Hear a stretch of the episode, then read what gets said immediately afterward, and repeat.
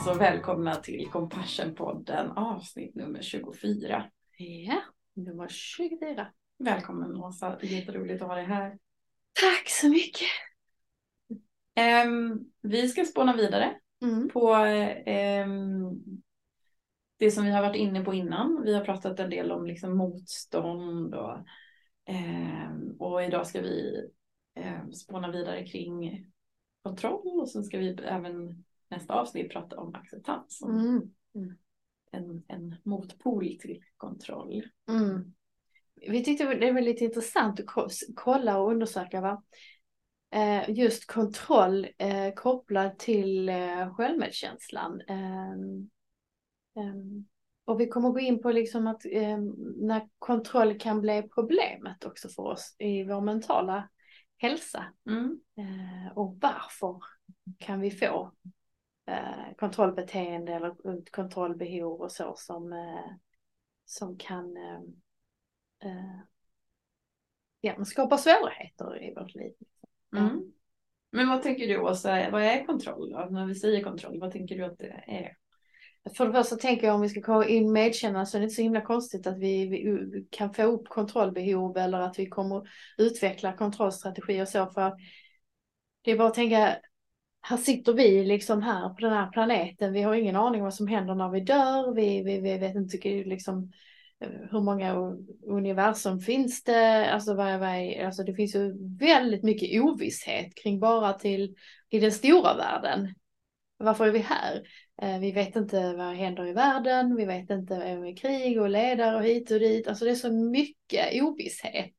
Ja, men också att livet är fullt av ganska mycket smärta och lidande Mm. eh, som vi oftast inte väljer eller har särskilt mycket kontroll över. Nej. Så det är läskigt att leva ju på många sätt och så. Så det är inte så konstigt att vår hjärna då eh, kanske liksom kreativt försöker kontrollera vad den kan kontrollera i varje fall. Och försöker hitta områden eller så som, som, eh, som ska kännas i stunden i varje fall bättre. Men jag tänker också att en del av det är för att vi har den hjärnan vi har som kan tänka kring saker. Eh, för jag, jag, jag bara fick upp en bild av en skalbagge och så tänker jag så här, nej men den här skalbaggen går ju inte runt och liksom oroa sig massa för allt lidande och smärta som kan komma. Helt plötsligt så blir den söndertrampad liksom. Men, men det är ju inte så att den är så upptagen av allt det här andra som skulle kunna hända. Mm. Och jag tycker att vi har ändå en hjärna som kan det och det har ju varit en styrka för oss människor också att vi kan göra det. Men det är också det som skapar en hel del lidande i oss att vi inte, jag har en hjärna som inte nödvändigtvis är här och nu. Mm. Som har förmågan att kunna tänka både framåt och bakåt. Ja, tänk om det händer och Precis. scenarion och hit och dit. Ja. Mm. Och att vi kan föreställa oss saker som inte finns. Som gör att vi också, alltså det kan också trigga igång mycket rädslor i oss. Ja, och paradoxalt nog blir det när vi är oroliga och ovissheten är där och vi tycker den känslan är jättejobbig. Så försöker vi ju tänka oss ut till en lösning. Eh, vilket vi liksom inte alltid kan ju. Eh, så om man skulle säga kontroll och eh, våra tankar. Så såklart så finns det väldigt konstruktiva tankemönster och tankeprocesser. Reflektioner, analyser och problemlösningar och så som är mycket konstruktiva. Mm. Eh, Sen finns det ju det som vi kallar för ruminering i, i, i, psykologspråk. Eh, vilket är, eh, kan bli problematiskt för oss människor. För när vi känner en ovisshet eller när vi känner en oro så vi försöker vi lösa det kognitivt, alltså vi försöker lösa det eh, och ta kontroll på det Mm. ovissa genom tankarna. Och där kan vi lätt fastna. Eh, så det är ju ett exempel på att eh, när kontrollen kan bli ett problem. För om du ruminerar flera timmar om dagen så kommer du få symptom av det. Då kommer du få ännu mer oro. Du kommer kroppen Mm. är uppe i varv så du du får ont i magen, huvudet, du blir spänd. Kan inte sova till slut, hjärnan kan inte släppa i greppet så. Så där är ju ett sånt typiskt kontrollexempel som är djupt mänskligt. Du gör det, jag gör det. Mm. Alltså det är ju inte vårt fel att vi fungerar så. Utan så är det för människan. Utan man behöver förstå sig själv och hur man ska hjälpa sig i det. Men jag, jag brukar tänka på det att det är liksom en, en att det oftast handlar om en rädsla som jag har. Men också en rädsla som jag kanske inte vet hur jag ska reglera. Och då är det, eh, det är ganska smart att gå upp i huvudet. Mm. Och tänka väldigt mycket. Mm. För då behöver jag inte känna så himla mycket. Mm. Det blir ett sätt att slippa känslan. Så, så, så, så ruminering kan ju vara undvikande av känslor som man tycker är svåra. Ja. Mm. Så då kan ni kanske slå ihop det här med självmedkänslan eftersom självmedkänslan handlar ju om att ta hand om jobbiga känslor i lidande och så. Ja. Och möta det som är svårt. Ja. Ja. Eh, om vi skulle ge mer exempel på det här eh, eh, med, med kontroll och så. så en sak kan ju vara att när man växer upp och man kanske har en otrygg eh, familj.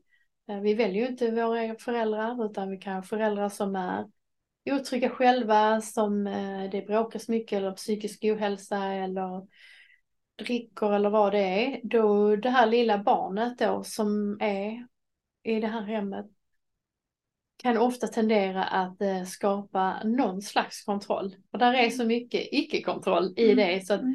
hur ska jag bara överleva? Jag försöker kontrollera någonting i det här. En grej kan ju bli som vi har pratat om att man blir väldigt känslig eller att man blir väldigt så här sensitiv, att man, man fokuserar på alla, man försöker kontrollera alla andra människor, hur, hur, hur, hur bli expert på att scanna av och känna in och så. Men också reglera andra människors Mm. känslor. Man blir jätteduktig på det. Vet precis hur man ska göra för Mm. att folk ska så hålla sig lugna Mm. eller inte bli ledsna. Mm. Ja. Så det är också kontroll eh, och det blir ju, blir ju ett problem när man glömmer bort sig själv. Eh, Med mina känslor då, då kan ju de bli jätteobehagliga att rikta sin fokus mot sig själv. Mm. Och det känns som att man så släpper kontrollen och det här var den enda kontrollen jag har Mm. och upplever att jag har haft. Så att, okej nu, nu- nu ber min terapeut mig här börja fokusera på mig själv och då känns det som jag tappar kontrollen. Mm. Ja. Ja, och det kan upplevas som otroligt obehagligt. Ja. Eh, Men jag tänker också att man kan ha utvecklat andra strategier. Alltså typ att man eh, kontrollerar yttre faktorer. Eh, Som, men det kan ju vara rena tvångshandlingar till Mm. exempel. Där jag bestämmer mig för att jag måste kolla alla handtag Mm. eller till eh, att kontrollera mitt matintag till Mm. exempel. Och det handlar ju om kontroll av ångest, alltså en svår, tuff känsla. Liksom. Ja. Mm. Så där är flera olika psykiska svårigheter Mm. liksom, med kontroll. Det kan vara, som du säger, det kan vara ätstörningar, handlar om också och, och, om, om tvång och kontroll. Liksom, att, att, och maten kan jag i alla fall kontrollera här. Mm. Och, och, och så. Mm. Jag tänker att det kan vara värt att säga det därför att kontroll, alltså vara kontrollerande kan ha så negativ klang. Mm. Och jag tänker att det är viktigt att komma ihåg att vi inte gör sådana saker för att ställa till det för oss utan oftast är det för att alltså vi försöker lösa någonting inom oss själva som, som jag inte kan lösa på något annat sätt. Jag kanske inte har re- redskapen för att lösa det på något annat sätt. Mm. Jag kanske inte klarar av att eh, förhålla mig till min rädsla på något annat sätt än att gå upp i huvudet eller kontrollera yttre faktorer. Eh, så det är inte nödvändigtvis att jag är kontrollerande person Nej. eh, utan att jag försöker lösa någonting som känns väldigt svårt och ohanterbart. Mm. Det kan vara väldigt medkännande att titta på sig själv att har jag något sånt som jag gör Mm. som kanske egentligen handlar om att eh, jag undviker jobbiga sår, trauman, känslor, sitter, saker inom mig. Ehm, och ehm, men- men jag tänker att om vi skulle koppla det här ser, jag, ser ju vi ofta att, att självmedkänslan blir ju då eh, läskig på det sättet att mhm, eh, nu ska jag släppa mitt, eh, det jag känner till med kontroll och sånt. Så om vi tänker på självkritiker som vi har pratat om i tidigare avsnitt så Mm. är ju det också mycket kontroll. Att jag ska dra mig själv i örat liksom och ha Mm. koll på att jag inte ska möta skam och göra bort mig och så. Eh, och det är ju läskigt att släppa kontrollen. Mm. Och där kan ni se hur det kan bli läskigt med självmedkänsla och att det tar tid att nå med självmedkänslan. Mm. Och att det kan vara, vad, vadå, vadå, ska jag, ska jag bara liksom släppa kontrollen här? Ska, jag- ska, ska jag bara sitta här och, och, och möta känslan och säga, eh, ja men det är okej och, och, och, och, och så. och, och lugna mig själv och, och möta känslan när jag kanske i hela mitt liv faktiskt har undvikit den Mm. genom olika kontrollstrategier. Så, mm. så självmedkänsla och kontroll är ju väldigt, eh, eh, hänger ju samman liksom. Att eh, jag känner som att jag är liksom eh, nävarna uppe och liksom nu buxas jag lite här så va. Och så självmedkänsla är precis som att nu ska du ta ner knytnävarna här. Men det finns Och möta den Ja, jobbiga som finns där. Alltså det, finns eh, det, det är förståeligt om man i det kan känna att man då blir liksom lite värnlös eller försvarslös. Eh, för att det kanske har hållit, hållit en eh, samman, Mm. hållit saker borta från en. Eh, och blir ganska läskigt då om någon eh, säger att ja, men det, det ska vi ändra på. Du ska inte kunna försvara dig. Det, kan, det är så det kan låta och jag Mm. tänker att det är så viktigt att veta att det inte är riktigt det det handlar om. Utan självklart ska vi ju kunna få hålla, försvar, alltså kunna känna oss trygga och säkra. Det är jätteviktigt. Mm. Men att vi kan behöva få göra det på ett annat sätt än att kontrollera spisen tio gånger eller kontrollera mitt matintag eller frenetiskt städa som jag gjorde när jag var yngre. Perfektionism är också kontroll. ju. Absolut. Mm. Kontrollera att inte liksom vara perfekt så ingen kan sätta upp sin eh, sköld liksom. Mm. Så här, kommer ingen nära liksom. Här får ingen reda på mina svaga sidor eller så. Mm. Alltså ni kan ju se att kontroll är väldigt brett. eh, Och att det är Mm. lätt för vår mänskliga hjärna att hamna i lidande när det gäller kontroll. Nej, men för jag tänker också att, att, att, att självmedkänslan handlar ju också om att förstå hur jag har utvecklat den här, just den här strategin och Mm. varför, varför jag har utvecklat Mm. den också. För någonstans i början så är det ju för att jag, att jag kände att det var någonting som var väldigt, väldigt jobbigt att hantera. Och det behöver vi också kunna möta med, med medkänsla, tänker jag. Att det, som du beskrev där, det här barnet som kanske då eh, sitter med eh, bråkande föräldrar eller eh, föräldrar Mm. som dricker. Vi behöver ju också få rikta medkänsla mot det barnet som Mm. där satt och inte visste hur den skulle hantera den här Mm. jätte, jättejobbiga situationen. Mm. Och kände sig väldigt, väldigt vilsen Mm. på något sätt också då hittade en lösning i Mm. att då ska jag vara duktigare än duktigast. Mm. Då tar jag kontroll över det. Mm. Och jag bara, men, men det var ju någon som inte fanns där för det här, den här, det här Mm. lilla barnet. Mm. Som inte kunde möta det eh, just i den stunden. Och en del av med självmedkänslan blir ju att jag faktiskt börjar möta sig själv i det. Möta mig själv i impulsen att försöka lösa någonting när jag var perfektionistisk till exempel. Mm. Och vi har, det kan vara uppväxt men vi har ju också ett eh, samhälle som, som, som prackar på oss en massa antaganden. Ju. Mm. Som man kanske känner att man ska leva upp till och så ska man börja kontrollera. Det är obehagligt liksom och inte vara tillräcklig. Mm. Så att det kan vara eh, Man kan eh, använda eh, kontrollstrategi kan vara att återförsäkra mycket. Alltså att, att, att Mm. hela tiden kontrollera, har jag gjort rätt i sina papper på jobbet eller att man behöver fråga andra Mm. eh, ofta. Eh, är det här, är, är, tycker du som jag, är det här rätt? Tänker jag rätt nu? Hur menar du här? Och då blir det ju en slags eh, kontrollstrategi som också blir ett undvikande eh, med att då lär vi oss aldrig att själv möta känslan eller kanske att nå vår kloka inre som kanske då, okej okej jag förstår att det här är jobbigt, det här brukar väckas inom mig då, vad är det för känsla jag har nu? Vad behöver jag då? Vad är hjälpsamt i den situationen? Alltså min inre ton och så, titta den eller att, som vi pratade om förra gången, att bara, här vill inte jag, det här är inte bra för mig. Mm. Nu tänker jag stå upp för mig själv. Så, att den verkliga kontrollen ligger ju egentligen där. Det är det som blir som paradox liksom. Att Precis. släppa kontrollen ger den verkliga kontrollen. Jag tänker på kort sikt så, så kan det vara den här jobbiga känslan. Om jag då liksom ber dig försäkra mig så, så känns det lite bättre då, just då. Mm. Eh, men då har jag också lämnat över ansvaret för att kontrollera situationen till dig. Mm. Vilket egentligen är ännu större kontrollförlust för då, då sitter jag ju inte på makten att Mm. förändra situationen. Utan den har jag lämnat över till någon annan. Mm. Och där, så på lång sikt så brukar det skapa ännu mer ångest när vi går runt och behöver andras försäkran. Och, eh, jag tänker inte, alltså det är väl jättebra att kunna be om hjälp, men, men när det, just när det gäller försäkran. Mm. Mm, Så självmedkänslan på det sättet kan ju väcka väldigt mycket inom en. Att, eh, men vågar jag göra detta? Att man kan ha en upplevelse av ensamhet och, Mm.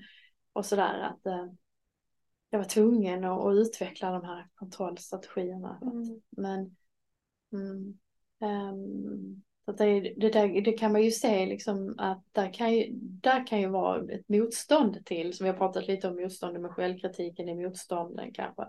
Finns ju eh, till självmedkänslan att där finns ju mycket motstånd som kan vara kontroll. Som att du inte vill släppa kontrollen. Mm. Eh, För att, att möta självkänslan är ju också att då behöver jag ta ansvar för mina jobbiga känslor. Jag vågar, vågar börja ta ansvar för, för, för mycket saker. För mina sår, med, med trauma eller saker, känslor som känns jobbiga. Eh, agerande jag gör kanske som är kont- kontrollbehov eller så. Mm. Eller den jag är också. Så Mm. det kan ju vara saker som jag Mm. gör och bär med mig som, Mm. som jag då måste ta ansvar för. Mm. Att ja, en sån här är jag. Liksom. Ja, vem är jag om jag inte har min kontrollbehov liksom. Mm. Det kan man ju ganska höra, alltså jag är en sån som har högt kontrollbehov. Eh, Både privat och i, i terapin. Mm. Mm. Som terapeut reagerar man ju direkt, oj då. Det här är, alltså för oss har det en annan laddning att vi börjar tänka, gud det här är någon diagnos som har utvecklats Ja. bakom detta. Det behöver det ju inte alltid vara. Alltså, Nej. Så, nej. Nej men jag Mm. tänker att du sätter fingret på att det, Mm. det kan skapa en hel del motstånd kring medkänsla. Mm. Att, för att man tänker att man ska släppa på saker. Men, men det handlar ju också om att ta ansvar. Så det är ju egentligen också att ta mer kontroll Mm. över sin egna situation och kont- kunna kontrollera det jag faktiskt kan kontrollera. Mm. Alltså, jag brukar prata om, om, om det som eh, sann trygghet kontra falsk trygghet. Att den falska tryggheten kan ligga i ehm, att, att, att eh, ha till exempel tvångshandlingar där jag kontrollerar saker eller att gå upp i huvudet eller att det ger någon form för lugn. Men det att det blir en falsk trygghet för att den ger egentligen inte en trygghet. Mm. Men jag tänker att när vi börjar träna på medkänsla så lär vi oss att eh, bli mer agenter i vårt egna liv. Mm. Och att det ger en mer sann trygghet där jag kan känna så här, men livet är svårt och liv, livet kan verkligen drabba mig. Men jag vet, känner mig trygg med att jag klarar av det. Mm. Till- Självtilliten. Mm. Mm. Så, så att våga släppa på kontrollen, eh, behovet där då Mm. kan öka ens självtillit. Att, Mm. att jag kan stå upp för mig själv som vi pratade om förra avsnittet. Jag kan lugna och reglera hela min system. Mm. Alltså det, egentligen är det tydligt, så det har vi nämnt innan också, att, att om, någon, om vi möter någon vi känner och tycker om och, och vän och så, så fungerar det ju bäst med att vara medkännande till dem. Alltså skulle du må dåligt och jag skulle börja liksom kontrollera och hålla på med dig så skulle du liksom bli irriterad på mig och det skulle inte kännas bra. Alltså så. Utan det som funkar med dig när du är lidande är ju att du känner att jag är medkännande till dig. Att jag har den strömmen, att jag Mm. säger att det är okej och, Mm. och, och sådär. Det här kan jag tänka, och vi pratar om föräldraskap, det kommer jag att ta upp det där. Att om jag ska ge ett exempel på mig själv så har det här varit något jag har jobbat med. Att det är svårt att släppa kontrollen kring barnen. Alltså om de mår dåligt så vill jag väldigt gärna veta vad det här handlar om och vad kan vi göra åt det här direkt? För det väcker ju så mycket obehag inom mig. Där har självmedkänslan hjälpt mig. Släpp på kontrollen. Vad är det jag är orolig för? Det känns jobbigt när de mår dåligt. Mm. Kan, kan det vara okej att de mår dåligt precis som alla andra människor gör ibland? Mm. Kan vi liksom säga det först till dem att det är okej ja, mm, att må så här och så och sen när de är redo kanske jag finns här om, om du behöver mig. Istället för att kanske bara slita upp dörren till dem och bara jag att du mår dåligt, berätta, berätta. Så både när man själv har äh, kämpat med den här typen av rädsla så kan man vilja att, att någon annan går in och fixar. Mm. Men andra som möter den också kan också då gå in i någon form för fixar-mode. Mm. Eh, och att det inte blir medkännande kring någon. För Mm. att det är ingen, man hittar inte den här styrkan i sig själv då. För Det kan jag tycka i, i, i mitt, mitt egna föräldraskap att det har varit en, en, någonting att hålla fast i. Att Mm. veta att det här hjälper inte mina barn. Nej. Utan de behöver få lära sig, det här och känna, känna den Mm. tilliten till sig själv. Mm. Och ibland när jag sitter med patienter också som kan vara otroligt em, sökande efter Mm. någon form för lösning och så vidare. Så kan jag hitta en annan stabilitet och trygghet i mig själv i att nej, det här blir inte bra. Nej. Om jag nu går in och gör en massa. Utan här är någon, något annat som behöver stärkas upp. Mm. Man behöver få känna att man är kompetent att Mm. klara av livet. Som patient kan det ju vara irriterande. Att man inte fick någon lösning. Att, att hon inte gav mig den lösningen där nu medan man kanske som terapeut tänker att nu behöver vi stanna här i obehaget och kanske inte mata på den här kontrollen.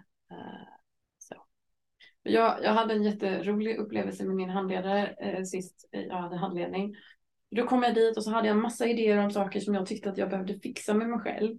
Och så eh, körde jag igång handledningssessionen kring det.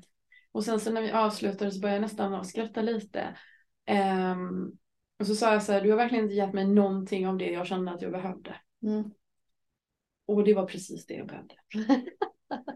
Eh, och, det, och jag gick och tänkte på det efteråt, hur bra det hon, in, det hon inte gav mig var. Jag får hon återförsäkrar inte på det sättet. då. Nej. Nej. Eh, och hon gick inte in i den här kanske, eh, du vet, perfektionistiska, Mm. kontrollerande, alltså typ där jag bara säger, men om jag blir perfekt så kommer allting bli bra. Mm. Utan hon bara, nej, men det är ju så här det är. Mm. Okej. Mm. Och jag var, jag var arg på henne när vi avslutade. Jag, sa så här, jag var på väg att säga tack för ingenting. Liksom. Mm. Men så, så försökte jag hämta hem mig själv i det. Så bara, nej men alltså, det här är nog hjälpsamt. Jag Mm. måste bara få landa i det först. Mm. Mm, Ja, precis. Jag tror handledarna med kan hjälpa, hjälpa en att stanna kvar i det genom att inte återförsäkra det. Mm. Nej. Så att man kan ju se kopplingen där då, att våga, att varför, varför, varför det tar ett tag och varför det kan finnas blockeringar till självmedkänslan. Mm. Ja. Så mycket att öka sin flexibilitet egentligen. Mm. Mm. Ja, det gillar vi ju, psykologer. Psykologisk flexibilitet.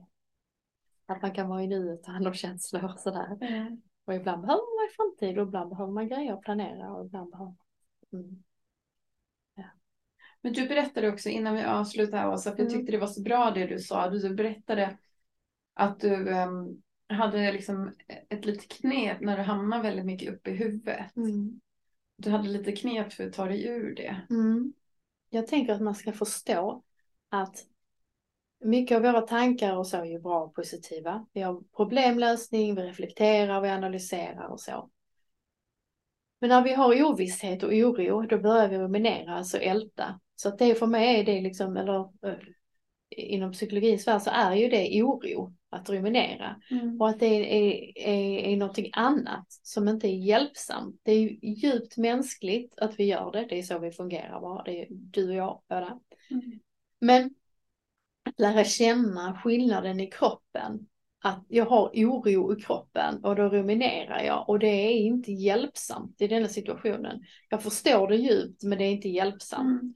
Så om vi tänker från förra avsnittet där vi beskrev det här med, nej, den här bestämda delen, eh, skyddande delen Mm. eh, av självmedkänslan, att kunna använda den i det. Att bara, ja, jag förstår nu, där är oro och det går upp i huvudet. Jag känner hela kroppen att det är ruminering jag gör. Tack så mycket, men det här hjälper inte, jag går ur det. Om och om igen, där får man vara väldigt bestämd ju. Att man gör det. Och att det kan hjälpsamt just att känna efter i kroppen att man känner när man gör det. Att det här, med, det här är oro.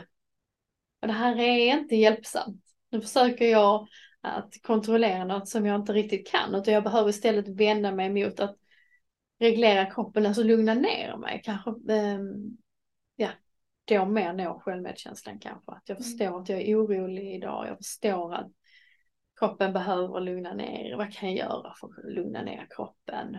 Hur kan jag um, vara accepterande att så här kommer det vara några dagar nu eftersom jag är orolig. Jag försvinner iväg i det här och tar mig tillbaka igen och så. Mm. Att det, det, handlar om att ta sig ur det aktivt, vänligt och bestämt. Förstå, mm. det här är djupt mänskligt men det hjälper inte mig. Ta mig ur det. Det här är ju forskning på det, det kan man ju se att om man kan göra det här och träna sig på detta så kan man kanske dra ner, för är man väldigt orolig så kan man faktiskt gå runt och ruminera i timmar. Absolut. En dag. Och då kan man se att ju mer vi ruminerar, ju mer oroliga blir vi. Mm. Ju mer symptom får vi på att må dåligt. Ju mer stresshormoner har vi i kroppen, ju mer magproblem, ju mer migrän, ju mer sömnproblem, ju name it liksom. Som i sin tur genererar ännu mer. Ja, alltså det är så lätt att hamna i de negativa. Absolut.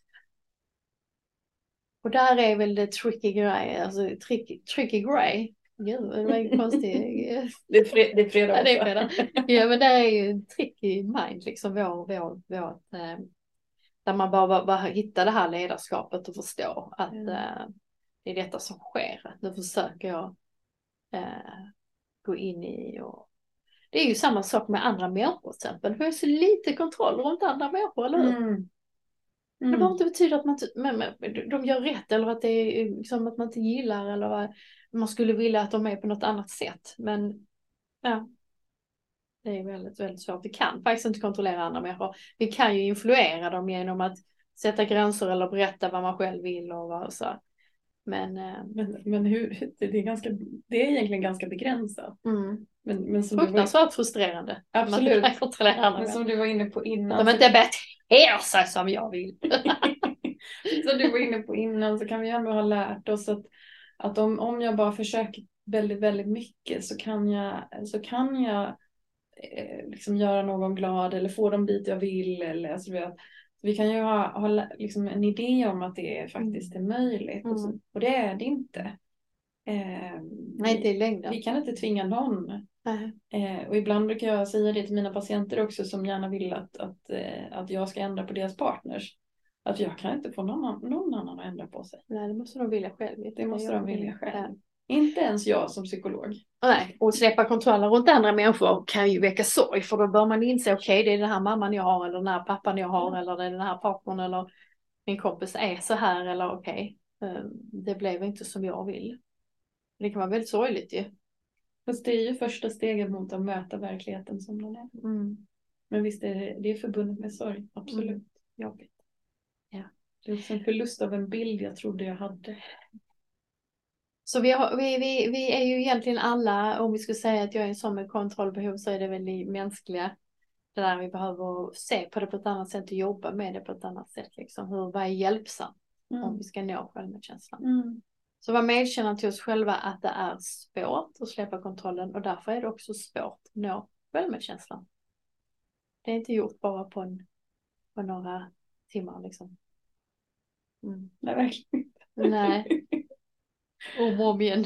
Så med de väldigt uppmuntrande orden Åsa, mm. ska vi ta helg då? Då tar vi helg och eh, försöker eh, släppa kontrollen lite här. Det, det är helgens eh, uppdrag. Precis. Mäta världen som den är, släpp kontrollen. Om och om igen. Om och om igen. Ja. Ha det gott säger vi. Ha det bra. Hej. Hej.